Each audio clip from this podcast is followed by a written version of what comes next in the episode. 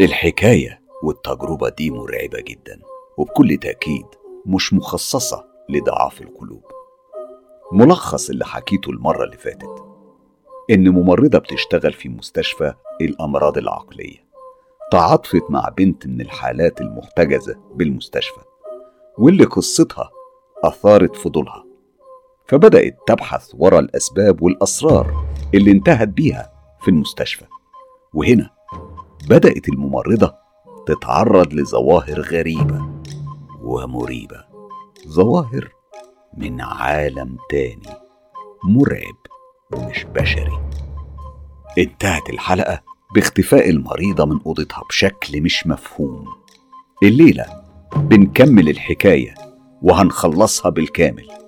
لو حابين تسمعوا الحلقة اللي فاتت هتلاقوا الرابط في أول تعليق. ودلوقتي يلا بينا على مستشفى المجانين.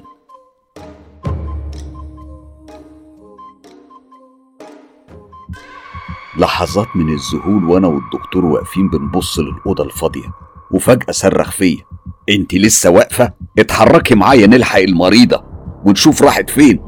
حاضر حاضر يا دكتور. أنا جريت زي المجنونة. كنت بفتح كل باب من أبواب الأوض وأنا بدور. كنت بدور في كل الأركان وتحت السراير. ده حتى جوه الدواليب. أنا كنت في حالة ذعر وخوف ما يعلم بيهم إلا ربنا. بس فرح فص ملح وداب. الدكتور كمان جرى على الاستقبال يسأل أفراد الأمن وبلغهم باختفاء مريضة. الكل كان في حالة استنفار. دورنا في كل ركن في المستشفى. وفي الحمامات وفوق السطوح وحتى في الحديقة بس من غير أي فايدة. أنا رجعت مكتبي وأنا كل مشاعري ملخبطة وتفكيري مشلول. هي فرح اختفت كده إزاي؟ وراحت فين بس؟ إيه المصيبة دي بس يا ربي؟ وأنا في قمة حيرتي وتوتري. شفت خيال حد واقف قدام مكتبي. كان ظل الأقدام واضح من تحت الباب. أنا ركزت شوية وقلت مين؟ أول ما اتكلمت شفت خيال الأقدام دي بيتحرك. أنا قمت بسرعة فتحت الباب وبصيت على اليمين علشان أشوف حد بيمشي ناحية الحمامات. بخطوات كانت ثقيلة وكلها حركة غريبة. أنا اتجمدت في مكاني. دقات قلبي بقت أسرع. الخيال ده كان لفرح. أيوة هي فرح. جسمها الضعيف الهزيل وشعرها الناعم كانت حافية وبتتمتم بكلام بصوت واطي ما قدرتش أفهم ولا كلمة وكانت بتجر حاجة في إيديها كانت مخدة. أنا مشيت وراها بكل هدوء كنت خايف أخضها أو أفزعها وأنا بقول لها بصوت واطي جدا بس صوتي كان بيهتز وكان مرتعش لأن أعصابي كانت مشدودة وخلاص كانت باظت من اللي حصل. وقلت فرح فرح انت كنت فين يا حبيبتي؟ أنا أنا قلقت عليكي. انت انت كويسة؟ ما ردتش عليا ولا حتى التفتت. كانت مكملة مشي في الطرقه بخطواتها الغريبة. أنا بصراحة كنت عايز ألف وأجري على مكتبي علشان أتصل بالدكتور وأبلغه إن أنا لقيت فرح. بس أنا كنت خايفة أفقدها تاني. علشان كده كملت مشي وراها لحد ما وصلنا الحمامات. الإضاءة كانت ضعيفة. دخلت فرح وأنا وراها ودماغي شغالة. أتصرف إزاي دلوقتي؟ أعمل إيه بس يا ربي؟ إيه الليلة السودة دي؟ كانت عيني عليها وأنا شايفاها بتقف قدام المراية الكبيرة اللي متعلقة على الحيطة فوق الأحواض. كانت واقفة بتبص على نفسها بنظرات ثابتة. وخالية من أي تعبير. مرت كام دقيقة وهي بالوضع ده. ثابتة زي الصنم. وأنا على بعد كام متر منها براقب كل حاجة بتحصل بحذر شديد. يا ترى فرح بتفكر في إيه؟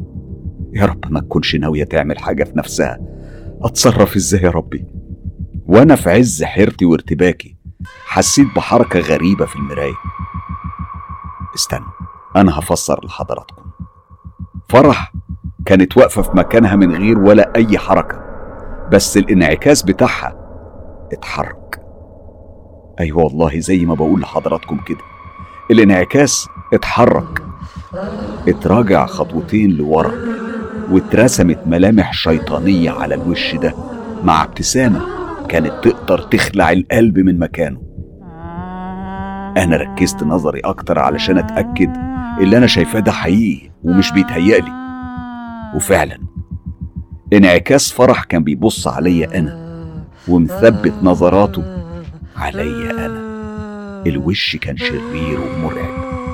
رجعت في لحظة بعينيا الفرح لقيتها بصة في الأرض ولسه بتزوم بنفس الصوت المتحشرج الغريب. أنا مش محتاج أقول لكم كم الرعب والخوف اللي حسيت بيهم. والله قلبي بقى بيوجعني من قوة النبضات وطلعت مني شهقة من غير ما أحس من قوة الفزع. كنت عايز أصرخ أو أجري من مكاني بس أنا حرفيا اتشليت. أنا دخلت في نوبة فزع جمدت كل حركتي وجسمي. اللحظات المرعبة دي مرت عليا ظهر وأنا حاسة برعب السنين من المشهد الغريب ده. بس بعدها اتحركت فرح وبعدت عن المراية بنفس الخطوات البطيئة المترنحة واتجهت ناحية الحيطة اللي معمولة من السيراميك الأبيض ومن غير ولا مقدمات. بقت بتخبط فيها براسها بحركات متتالية.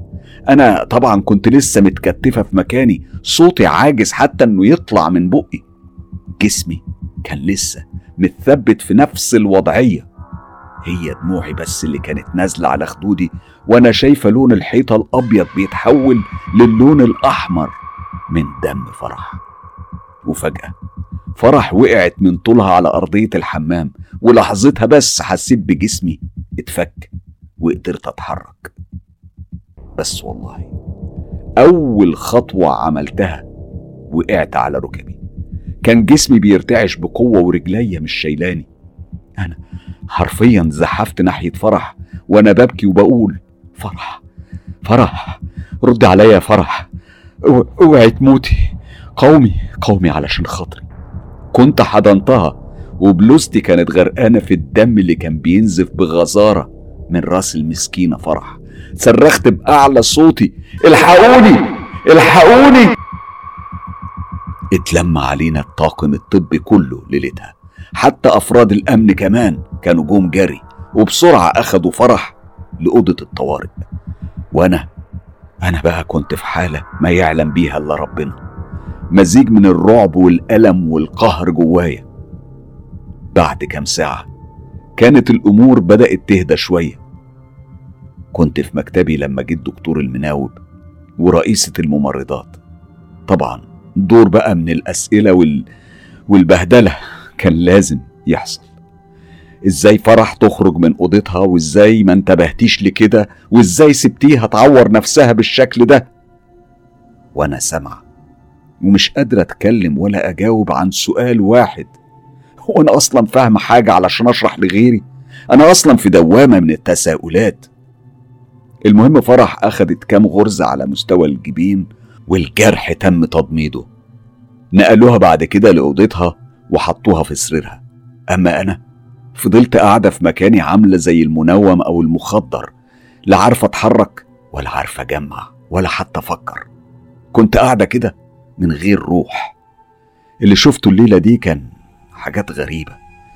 حاجات غريبة والأحاسيس اللي مريت بيها كانت فوق قدرتي على التحمل. أول ما وقت خروجي جه أنا شلت نفسي ورجعت البيت. منهكة وتعبانة. صداع رهيب. كان هيفرتك دماغي. أنا يوميها لا عرفت آكل ولا حتى أشرب كوباية مية. كنت عايزة بس أنام وأرتاح. ملامح القلق كانت باينة على وش أمي بس أنا طبعا طمنتها بكلمتين. دخلت بعد كده أوضتي واترميت على سريري وقبل ما أروح في النوم افتكرت إن الست أم محمود قبل ما نفترق سابت لي رقم تليفونها. قررت أكلمها.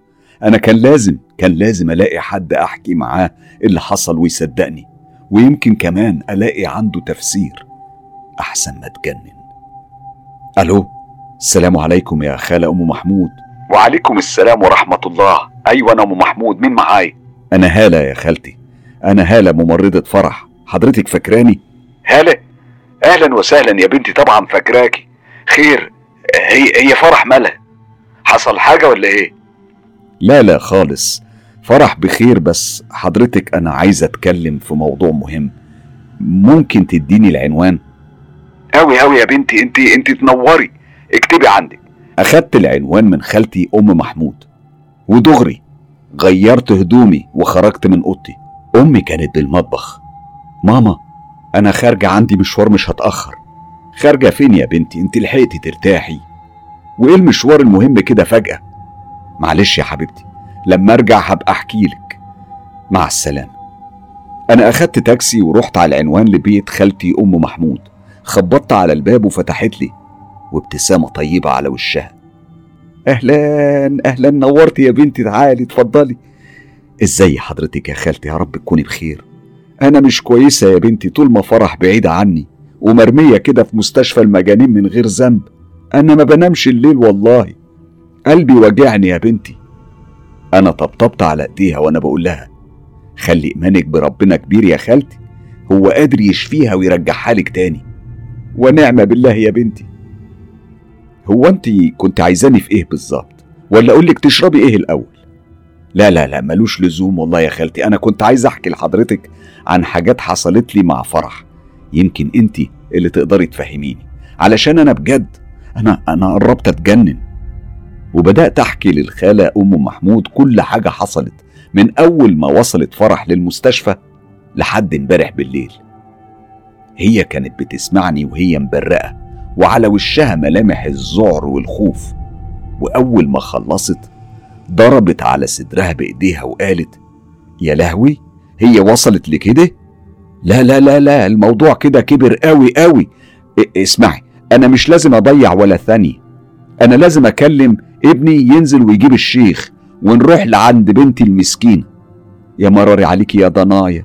يا ترى عملت فيكي إيه الولية السحارة دي؟ تجيبي الشيخ للمستشفى يا خالتي إزاي؟ ده, ده ممنوع مش ممكن يسمحولك دي أصلا يعني الفترة دلوقتي في الزيارة العادية.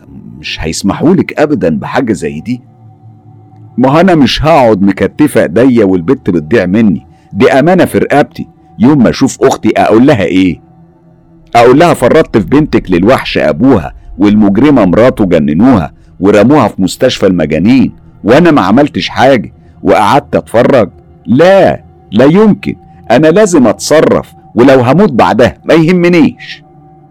أنا سكت شوية وبعدها قلت خالتي هو أنا آه، ممكن أقابل الشيخ ده؟ معرفش يا بنتي والله أصل هو من بلد تاني. وولدي راح اتكلم معاه وقال إنه اتفق معاه ينزلوا سوا ونروح نشوف فرح.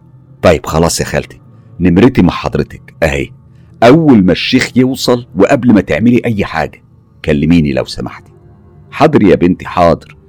روحي ربنا يسترها معاكي ويوقف لك ولاد الحلال في طريقك. أنا خرجت من عند الخالة أم محمود ورجعت بيتنا تاني. كانت أمي طبعا في انتظاري ومستنية مني تبريرات وشرح لكل اللي حصل ده. أنا بوست راسها وقلت لها والله يا ست الحبايب أنا بس أنام لي ساعة زمن ده كل اللي محتاجاه وأرتاح. وأول ما هصحى هحكي لك كل حاجة. أنت يا بنت أنت أنت عايزة تشغليني عليكي ليه؟ أحوالك مش عجباني وقلبي متوغوش عليكي. اطمني يا حبيبتي مفيش حاجة. أنا هبقى أفهمك بعدين وعد. دخلت وقفلت على نفس أوضتي ومددت على سريري. كنت بقول يا رب يا رب أنت عالم الغيب والشهادة. ساعدني ووجهني علشان أقدر أساعد فرح. نمت معرفش إزاي وصحيت على صوت أمي. اصحي يا بنتي علشان تلحقي تاكلي لقمة قبل ما ترجعي المستشفى. حاضر يا حبيبتي حالا. قمت وأخدت دش سريع غيرت هدومي وطلعت علشان آكل. بصراحة كنت حاسة بالجوع وإن معدتي فاضية. اتكلمت أمي. في إيه يا فرح؟ مش هتريحي بالي بقى؟ مفيش يا أمي أنا بس رحت شفت خالة مريضة عندنا. اوعي تقولي البنت الملبوسة يا هالة. أيوه يا أمي أنا أنا كنت محتاجة أفهم. تفهمي إيه بس وتنيلي إيه؟ أنت تبعدي خالص عن الموضوع ده. أنت مالكيش دعوة بيها يا بنتي خالص. فاهمة؟ إحنا إحنا مش قد الكلام ده. سامعاني؟ هالة مش عايز أسمع الكلام ده تاني. ربنا يحفظنا يا رب. حرام عليك تتلبسي زيها لا سمح الله. اقولك انت خدي اجازة احسن. إن شاء الله حتى تسيبي المستشفى دي. أنا ماليش غيرك يا بنتي. ياه للدرجة دي يا أمي. أيوه للدرجة دي وأكتر كمان. أنا خايفة عليك يا بنتي. يا بنتي هو ده مرض عادي أخاف؟ أخاف عليكي من عدوى مثلا؟ لا يا بنتي دي مواضيع تانية خالص مختلفة وخطيرة. طيب يا حبيبتي ما تخافيش. وبعدين يا ماما هو أنا يعني لوحدي في المستشفى؟ أنا حاولت قد ما أقدر إن أنا أطمن أمي وخرجت. في طريقي للمستشفى جاتني فكرة. وقفت عند كشك بيبيع شرايط أغاني وقرآن واشتريت منه شريط للقارئ عبد الباسط عبد الصمد الله يرحمه. كانت تلاوة لسورة البقرة كاملة. حطيتها في شنطتي وكملت طريقي ووصلت لمكتبي. لقيت زميلتي مستنياني. احكي لي بقى يا هلا حصل إيه امبارح؟ المستشفى كله بيتكلم عن الواقعة. هي إزاي يعني المريضة تطلع من أوضتها كده من غير ما انت تحسي بيها؟ وبعدين هي راحت فين؟ والنبي يا وفاء أنا مش ناقصاكي ومش ناقصة الأسئلة دي. يعني كفاية بهدلت الدكتور فيا والرئيسة امبارح. اسمعي بقى يا هالة ابقي خدي بالك أكتر يا حبيبتي انت يعني مش عايزة تتحولي تحقيق أو تترفدي يعني لا سمح الله. بدأت ورديتي بنفس الروتين بتاع كل ليلة. مريت على كل المريضات والحمد لله ما كانش فيه أي مشاكل. كأنهم رحموني من أي تعب إضافي على تعب فرح. وبعد ما الكل نام وانطفت الأنوار أنا كنت خليت فرح للآخر. أخدت العشاء معايا والدواء ورحت على أوضتها. فتحت الباب وأول ما حطيت إيدي على كوبس النور علشان أنور الأوضة سمعتها بتقولي سيبي النور مطفي مساء الخير يا فرح. إزيك يا حبيبتي؟ ما ردتش عليا. فكملت كلام. أنا لازم أنور الأوضة علشان أعرف أعشيكي وأديكي الدواء. قلتلك سيبي النور مطفي واخرجي. أنا مش عايزة لا عشا ولا دواء ولا أي حاجة. صوتها كان واطي بس عميق وغريب. كان في كده نبرة تحذير أو غضب. بصراحة أنا ما فهمتش. بصيت عليها من خلال النور اللي داخل من الشباك. كانت قاعدة وسط السرير ومربعة رجليها. ما كنتش قادرة أشوف ملامح وشها. أنا وقفت اللحظات بفكر أخرج ولا أدخل. وهي كأنها كانت سامعة صوت أفكاري وقالت هالة اسمعي كلام أمك وخليكي بعيدة أحسن لك. واللي في دماغك ده اوعي اوعي تحاولي أو تفكري لحظة تعمليه. أنا رجعت خطوتين لورا وأنا مصدومة من اللي سمعته. إيديا كانت بترتعش كنت هوقع كل حاجة ماسكاها في إيديا وبقيت بتراجع لورا من غير منطق بحرف واحد. وأول ما بقيت بره الأوضة الباب اترزع في وشي بقوة. لحظتها أنا جريت على مكتبي دخلت وقفلت عليا الباب بالمفتاح وأنا حرفيا كل حتة في جسمي كانت بتترعش لوحدها ونفسي كان عالي جدا. حطيت إيدي على قلبي اللي كان شوية وهيخرج من مكانه وأنا بردد. بسم الله الرحمن الرحيم بسم الله الرحمن الرحيم. يا رب يا رب إيه اللي أنا سمعته ده؟ هي فرح اللي كانت بتكلمني ولا ده صوت مين ده؟ وبعدين هي عرفت إزاي الحديث اللي كان بيني وبين أمي؟ أنا بسرعة خرجت الشريط اللي كان في شنطتي وشغلته بصوت واطي. قعدت على الكرسي وأنا لسه مش عارفه أتلم على نفسي. إيديا كانت بتترعش وكنت حاسة ببرد في كل مكان حواليا. بعد كام دقيقة كنت ابتديت أهدى شوية. قمت صبيت لنفسي فنجان قهوة سخنة وسرحت مع كلام ربنا سبحانه وتعالى اللي دخل الهدوء والسكون لقلبي. بأمانة. حسيت بطمأنينة وسلام. حقيقي ألا بذكر الله تطمئن القلوب.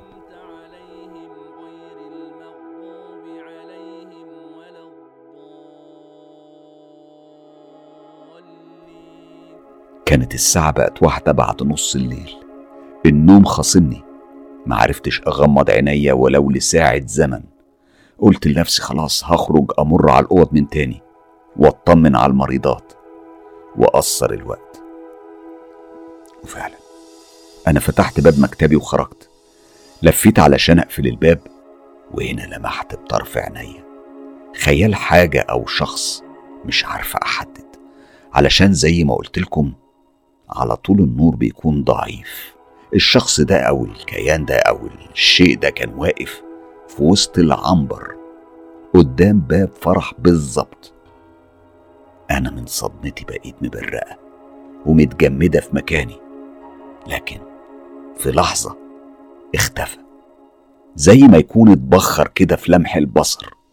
أنا كنت لسه ماسكة أكرة باب مكتبي وقررت أدخل تاني وقلت لنفسي بلاش منها بقى جولة التفقد دي.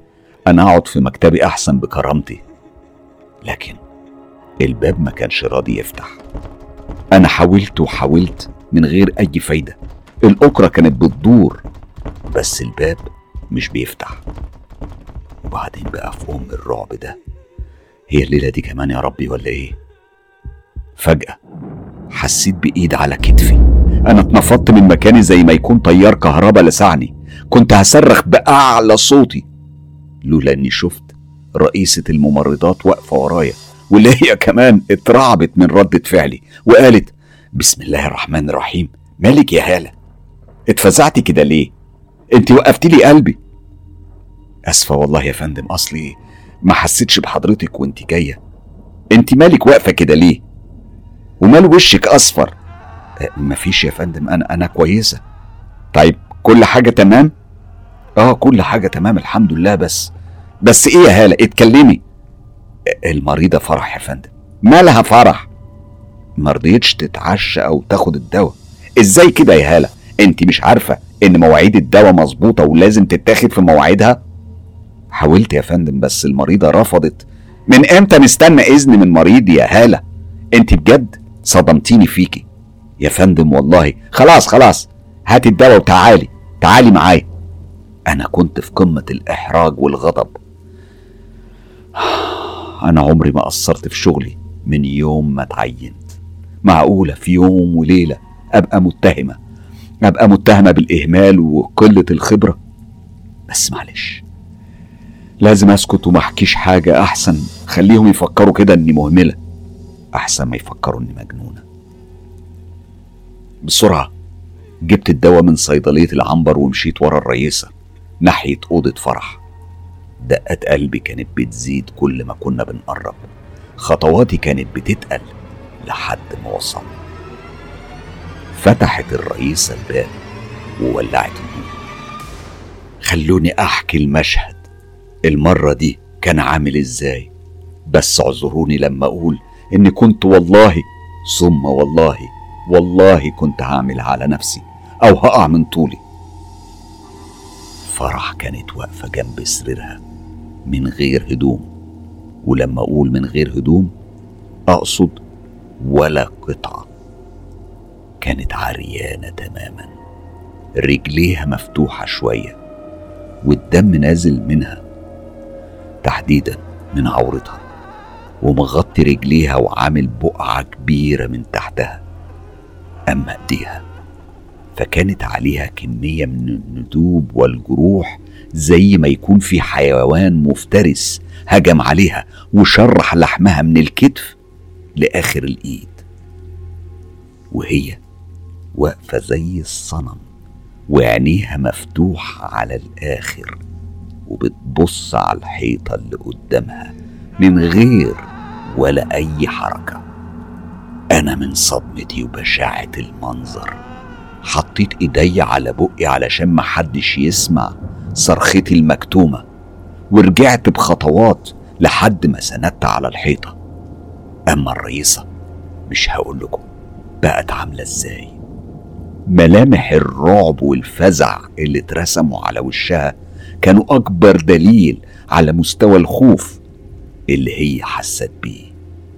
بصت لي وهي مش قادرة تتكلم وشاورت بصابعها على الحيطة اللي ورا السرير. هنا أنا لفيت بعينيا وبصيت لاحظت إن في رسم غريب عامل زي الدايرة الحمراء بلون الدم وجواها أشكال كتيرة غريبة وحواليها كان في زي السائل بلون قريب للأصفر البني كده مرشوش مرشوش على كل الحيطة. وبحركة تانية من عينين الرئيسة كان معناها تعالي نخرج. أنا اتحركت بشويش وأنا بحسس على الحيطة اللي ورايا. أما عينيا كانت متثبتة على فرح.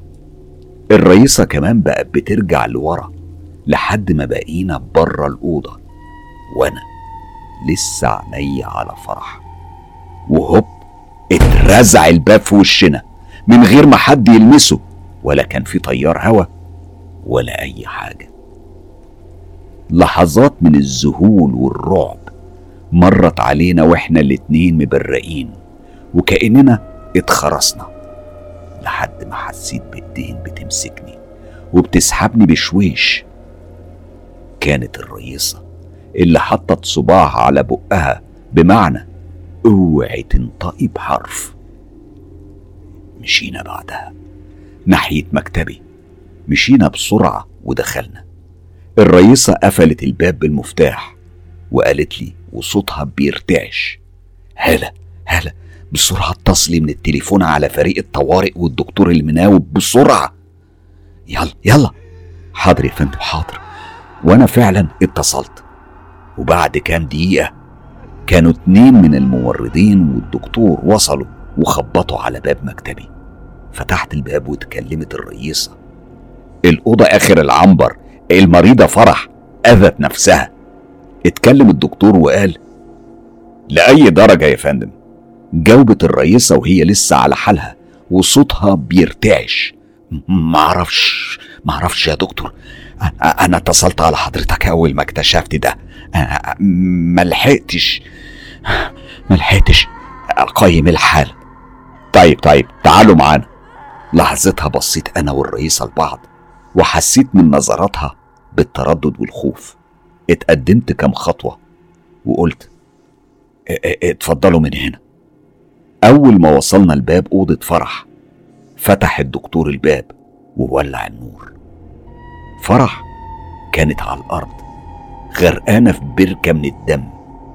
أنا جريت على ملاية السرير وغطيتها علشان أسترها.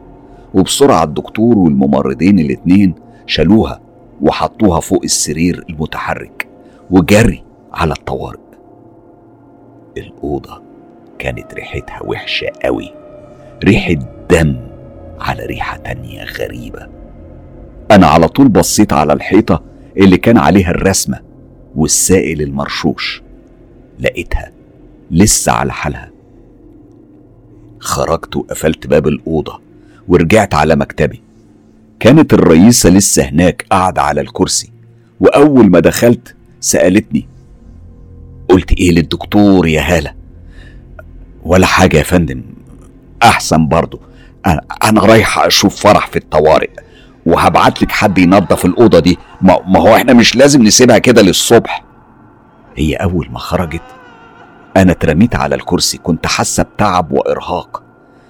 كان نفسي الليلة دي تخلص بسرعة وارجع البيت واسيب كل الحاجات دي ورايا بس أنا كان لازم أطمن على فرح الأول وأعرف هي عملت في نفسها إيه وإزاي دي الأوضة فاضية من أي حاجة يعني ممكن تستعملها علشان تأذي نفسها طيب طيب الجروح اللي كانت على إيديها دي حصلت إزاي؟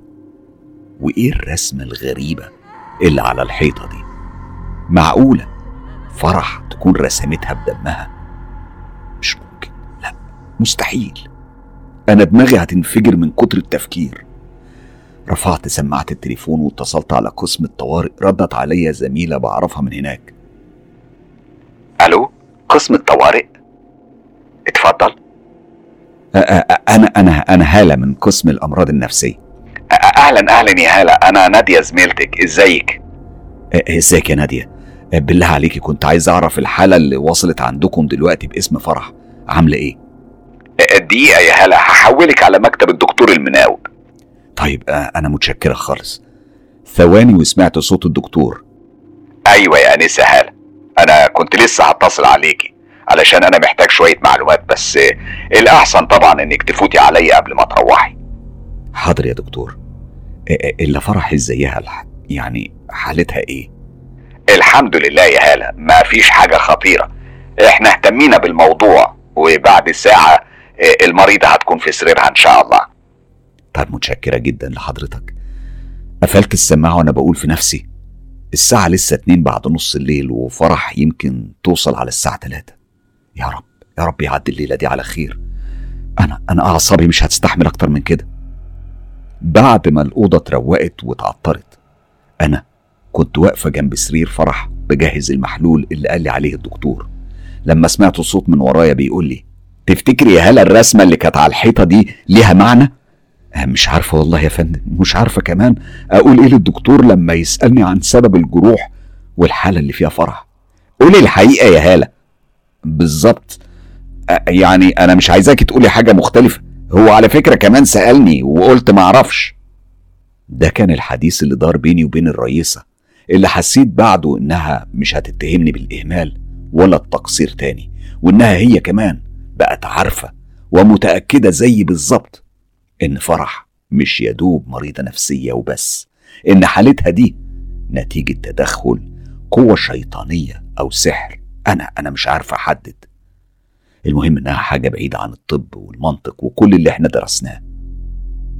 خلصت الوردية وبعد ما عديت على الدكتور في قسم الطوارئ أنا دخلت علشان أطمن على فرح قبل ما أروح. لما دخلت لقيتها نايمة وإيديها متغطية بالشاش. وعرفت من الدكتور كمان إنه كان عندها نزيف حاد في منطقة الرحم. وقال إن بعد شوية تحاليل هيعرفوا السبب. رجعت البيت وحاولت أكون طبيعية على قد ما أقدر علشان ما أقلقش والدتي عليا. وفجأة التليفون رن. أنا قمت بسرعة علشان أرد. ألو مين؟ أيوه يا هاله أنا أنا خالتك أم محمود يا بنتي. أهلا يا خالتي إزاي حضرتك؟ الحمد لله يا بنتي. بقول لك إيه؟ الشيخ عندي في البيت ومستنيكي. تمام يا خالتي. بصي مسافة السكة. قفلت التليفون ولفيت علشان أشوف على وش أمي ملامح الغضب الممزوج بالعتاب واللوم. وقالت وبعدين بقى معاكي يا بنتي. هو إحنا مش قلنا تبقي بعيدة عن الموضوع ده؟ انت عايزة تدخلي نفسك في متاهات انت مش قدها. وهتجيبي لنفسك التعب والمشاكل. ليه طيب؟ هو أنا اللي دخلت نفسي يا أمي بالعافية. الموضوع اللي بتتكلمي فيه ده يا ماما في صلب شغلي وواجبي شغلك إيه وواجبك إيه؟ أنت شغلك ممرضة وبس. مالك أنت ومال الحالات الملبوسة دي بس يا بنتي؟ يا أمي يا أمي أنا كنت هخسر شغلي واحترام كل اللي حواليا بسبب الموضوع ده. يعني يرضيكي يتقال عني مهملة ومقصرة في واجبي أيوه يرضيني يا هالة. يرضيني طالما انت بخير وبعيدة عن الهم. يعني ربنا يحفظنا من الحاجات دي. يا بنتي افهمي أنا ملياش غيرك حرام عليكي. اطمني يا أمي أنا بخير. دعواتك بس دعواتك دعواتك إن الأمور تعدي على خير. خرجت من بيتنا وأخدت تاكسي. وصلني لغاية بيت خالتي أم محمود. وهناك لقيتها مستنياني هي وابنها اللي كان في الثلاثينات من عمره. الشيخ كمان اللي كان موجود كان راجل مسن يعني يمكن على عتبة التمانين. شيخ بلحية بيضة وطويلة كان لابس على راسه عمامة. ملامحه تخليك تحس بالوقار والراحة كده. ملامح مريحة وعليها طيبة وقرب من ربنا واضح جدا. أنا سلمت عليهم وقعدت على الكنبة جنب خالتي أم محمود وهنا اتكلم الشيخ وقال احكي لي يا بنتي كل حاجة وبكل تفصيل. أنا سامعك. أنا كنت زي اللي تكون ما صدقت حد يسمعها. حكيت على كل حاجة شفتها ومرت عليا مع فرح. ولما وصلت لواقعة امبارح بالليل شفت ساعتها على ملامح الشيخ التوتر والضيق. وقال لي قولي لي يا بنتي انت فاكرة الرسمة كانت عاملة إزاي؟ الصراحة آه أنا أنا فاكرة إنها كانت دايرة كبيرة مرسومة بالدم وحواليها كان في أشكال كتيرة وغريبة. هات ورقة يا محمود لأختك. قام ابن الخالة أم محمود بسرعة ولحظات وكان راجع ومعاه ورقة وقلم. اتفضلي يا بنتي الورقة والقلم وحاولي ترسمي لي أي شكل أنت فاكراه. أنا غمضت عينيا وحاولت أركز تفكيري حاولت أفتكر إيه اللي أنا شفته وتفاصيله. وبدأت أرسم على الورقة كل حاجة افتكرتها. بص يا شيخ دي تقريبا شكل الرسمة. تمام يا بنتي ربنا يجعله في ميزان حسناتك. قولي لي بقى في حاجة تانية تحبي تقوليها لي؟ قولي يا بنتي أنا يعني عايز أقول إن كان في حاجة مرشوشة على الحيطة كمان بلون أصفر غامق كده وريحته كانت وحشة جدا. مفهوم مفهوم يا بنتي. هنا الشيخ دخل إيديه في جيب جلابيته من جوه وخرج كتاب بحجم كف الإيد كده. الكتاب كان قديم قوي أوراقه صفرة. فتحه ولبس نظارات وقعد يقلب في الصفحات. وبعدين حط الكتاب على الترابيزة وقال لي بص يا بنتي على الرسمه اللي في الكتاب. هي دي الرسمة اللي انت شفتيها. أنا قربت من الترابيزة وبصيت على الرسمة. وهنا كانت صدمتي. الرسمة نفسها بالظبط. أيوه هي. بس في الكتاب كانت مرسومة بالحبر الأسود وحواليها كان في حروف وكلام بلغة كانت غريبة عليا مش عارف أقراها. كانت أول مرة أشوفها فقلت باندهاش أيوه أيوه هي دي يا شيخ هي بالظبط. بس خلي بالك كانت من غير الكلام والحروف اللي حواليها هنا دي. طيب يا بنتي ربنا يبارك فيكي. انت كده سهلتي عليا حاجات كتير ومراحل أكتر. طب بعد إذن حضرتك يا شيخ ممكن توضح لي شوية يعني إيه ده. وإيه الرسمة الغريبة دي؟ يا بنتي يعني دي مش حيالله كده رسمة وخلاص. دي طلسم وتعويذة شيطانية قوية جدا. إيه؟ معلش سامحني برضو مش فاهمة يا شيخ. يعني إيه طلسم الطلسم يا بنتي لغة بين السحر والشياطين والكيانات الظلامية المؤذية.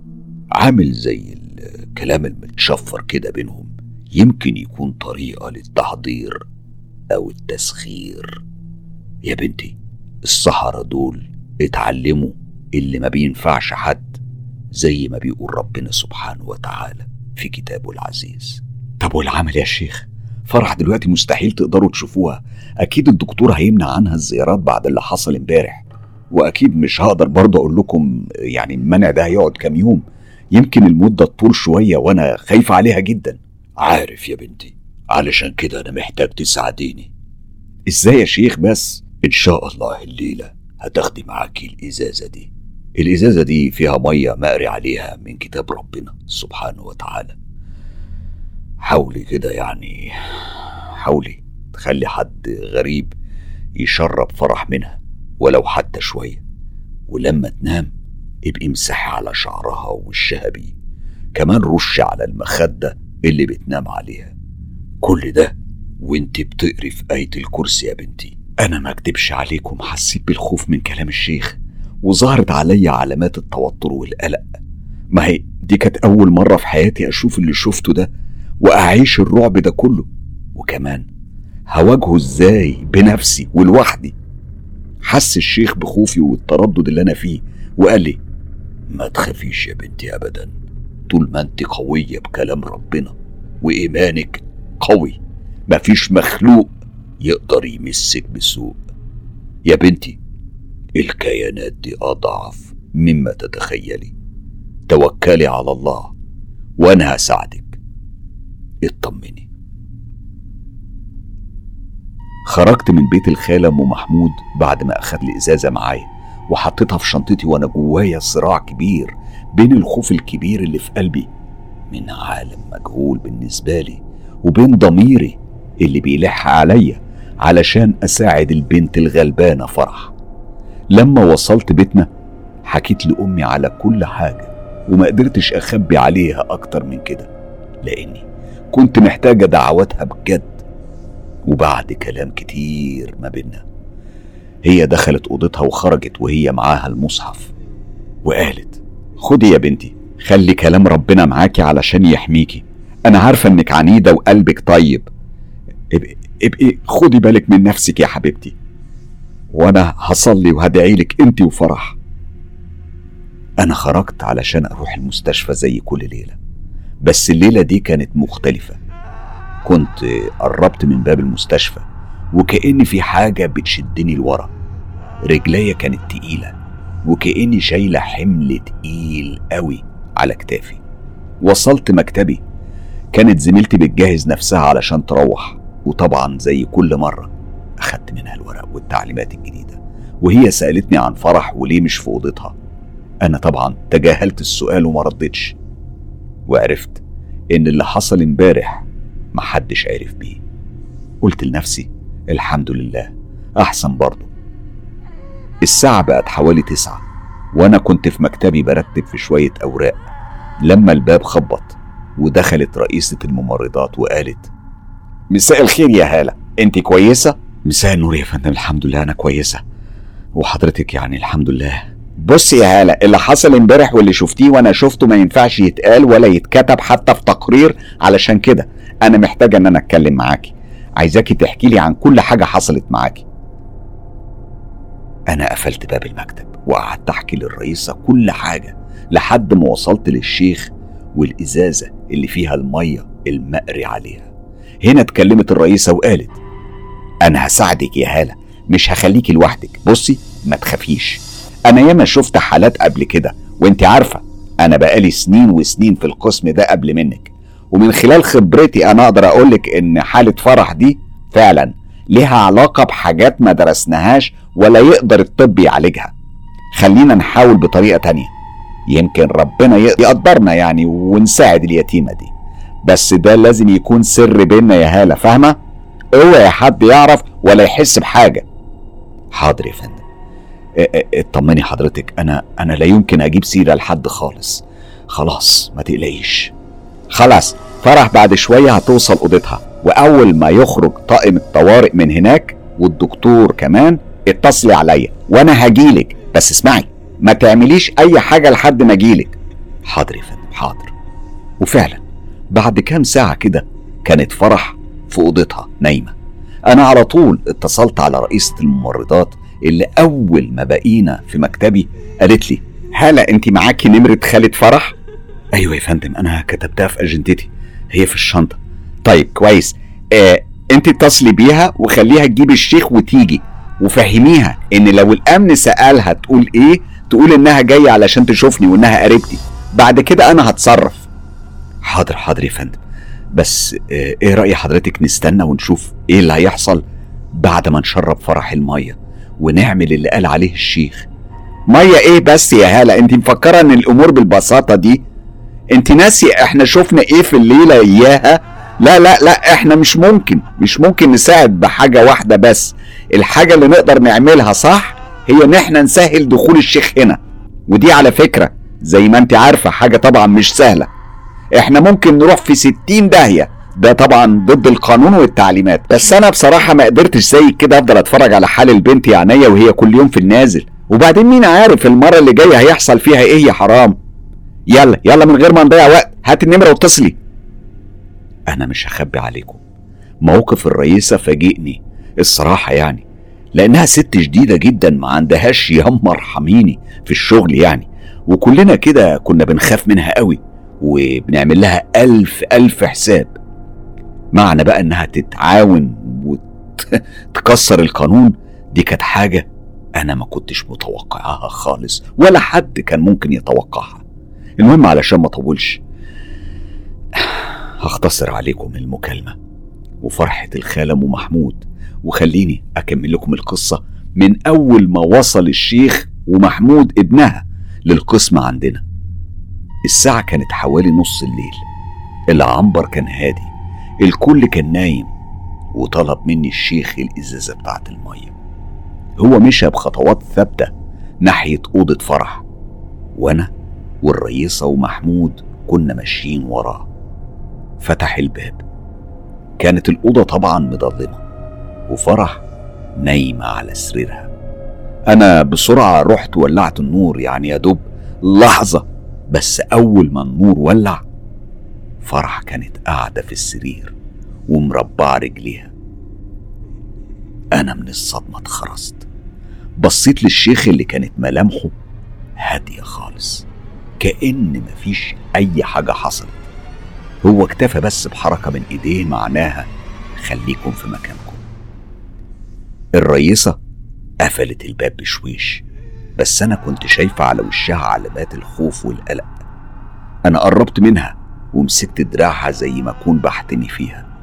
من حاجة أنا مش عارفاها. الشيخ بدأ يقرب من فرح وهو بيكرر في آيات من القرآن الكريم وبصوت واطي. وهنا فرح بدأت تزوم بصوت عميق ومخيف. كانت بتتحرك لقدام ولورا بحركات منتظمة. أنا معرفش أوصف لكم شعوري وقتها كان عامل إزاي. أنا كنت سامعة دقات قلبي في وداني والله. الشيخ أول ما وصل لسرير فرح خرج من جيبه كيس. فرغ اللي فيه كانت حاجة كده شبه الملح أو بودرة باللون الأبيض. أنا خمنت إنها ممكن تكون ملح. المهم هو رسم دايرة بالمادة دي والسرير وسطها. يعني زي ما يكون حاوط السرير من كل الاتجاهات. وهو مكمل طبعا في التلاوة. وفرح. لسه على حالها بتزوم بصوت مرعب وبتتحرك بس بسرعة أكتر وأكتر. هنا الشيخ شاور لمحمود وطلب منه يقرب. فجأة فرح تنط من وضعية الجلوس اللي كانت فيها وبتقف على رجليها وهي بتبص على الشيخ وبتتابعه بعينيها. والله أقل حاجة تتقال إن البصة دي كانت تقطع الخلف. البنت كانت عينيها سودة بلون الفحم. مفيش ولا نقطة بياض وشفايفها كانت زرقاء. الشاش الأبيض اللي كان مغطي إيديها اتحول لونه للون الأحمر. فرح كانت بتنزف من إيديها وبين رجليها زي آخر مرة. أنا عمري طبعا ما نسيت المشهد المرعب ده ولا عمري هنساه طول عمري. بعدها الشيخ قال بصوت عالي يا معشر الجن أناشدكم بالعهد الذي أخذه عليكم سليمان بن داود ألا تظهروا لنا ولا تؤذونا. كان بيردد في القسم ده وفرح بتتشنج وهي واقفة وفجأة صرخت صرخة قوية وقعت على السرير وهي بتتلوى وبتئن زي الطير المذبوح. هنا الشيخ حط ايديه على راسها وبدأ يتلو في آيات من القرآن. فجأة رفعت فرح راسها واتكلمت بصوت عميق ومخيف. الصوت زلزل المكان كله. أنا الجن المسلط عليها. وبأمر من الساحر.